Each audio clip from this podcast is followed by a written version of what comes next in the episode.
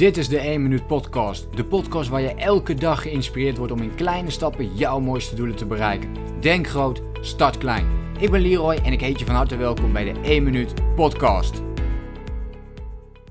Een van de meest gestelde vragen die ik krijg is toch wel, ja, Leroy, hoe zorg ik er nu eigenlijk voor dat ik um, aan de ene kant keihard kan werken, maar aan de andere kant ook zorg voor voldoende ontspanning.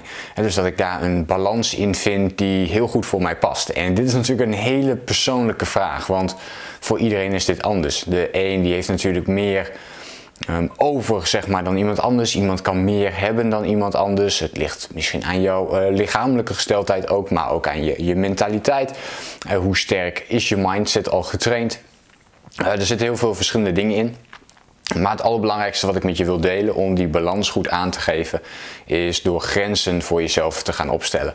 Dus echt grenzen te gaan bepalen van oké, ik weet uh, dat ik bijvoorbeeld zo lang uh, nodig heb om te slapen. Ook dat is natuurlijk een belangrijk onderdeel. Hè? Dus weet van jezelf hoeveel uur je bijvoorbeeld nodig hebt om te slapen. Weet van jezelf hoeveel uur kan ik per dag uh, werken en waar kan ik mijn rustmomenten pakken.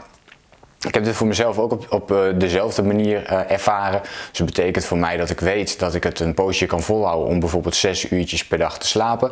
Maar als ik dat bijvoorbeeld een maand of twee maanden lang doe, dan uh, wordt mijn effectiviteit al veel minder.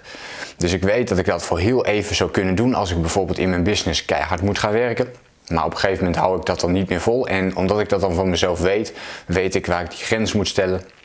En pak ik daarna dus wel voldoende uh, tijd. En eigenlijk is mijn regel nu ook dat ik gewoon minimaal 7 uur per dag slaap.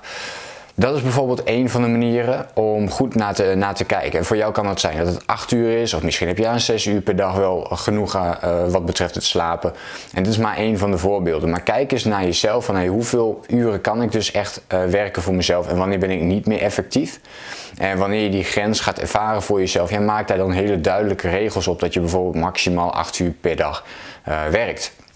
En er komt ook veel voor, als je een burn-out hebt gehad of misschien uh, op dit moment wel in zit, uh, dan uh, krijg ik ook heel veel krijg ik de vraag van deze mensen ook die een burn-out hebben van ja, hoe, hoe kan ik nu die balans weer terugvinden? Nou, luister dus, dus heel goed naar je, naar je gevoel. En dat klinkt misschien wat zweverig en ja, eigenlijk is dat het helemaal niet.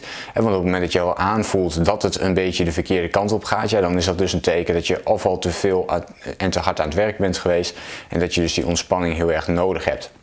Dus als eerste is het een stukje zelfbewustwording en aan de andere kant is het ook vervolgens actie ondernemen op die zelfbewustwording. Dus je kunt wel weten dat je meer moet gaan ontspannen, maar als je dat vervolgens uh, nog steeds niet doet, ja, dan verandert er natuurlijk heel erg weinig. Dus uh, het is een, heel, een hele persoonlijke vraag. Ik kan er niet één antwoord op geven. Ik hoop je met een persoonlijk voorbeeld van mijn kant uit te hebben gelegd van oké, hoe kom je daarachter? Je moet het toch voor jezelf gaan ervaren. Waar zit die grens? Maar vooral wanneer ben ik nog wel effectief en wanneer ben ik dat niet. Uh, niet meer. En probeer te kijken waar dat hem in zit en hoe jij ervoor kunt zorgen dat jij jezelf dus weer ook snel kunt gaan opladen. Oké, dat was hem voor nu. Ik ben heel benieuwd. Vind jij het ook lastig om die balans te vinden tussen keihard werken en ontspannen? Uh, laat het me eventjes weten in een reactie en wat je er eventueel ook aan hebt gedaan. Uh, wil je nu meer tips en inzichten op het gebied van persoonlijke ontwikkeling en het runnen van jouw online business? Vergeet je dan ook niet te abonneren op mijn YouTube kanaal en dan hoop ik je natuurlijk de volgende keer weer te zien. Denk groot, start klein. Bedankt voor het luisteren. Geloof jij net als ik dat je in kleine stappen jouw mooiste doelen kunt bereiken? Abonneer je dan op mijn podcast voor meer dagelijkse tips en inspiratie. Laat me weten wat je van de podcast vond, deel de inspiratie en geef het door.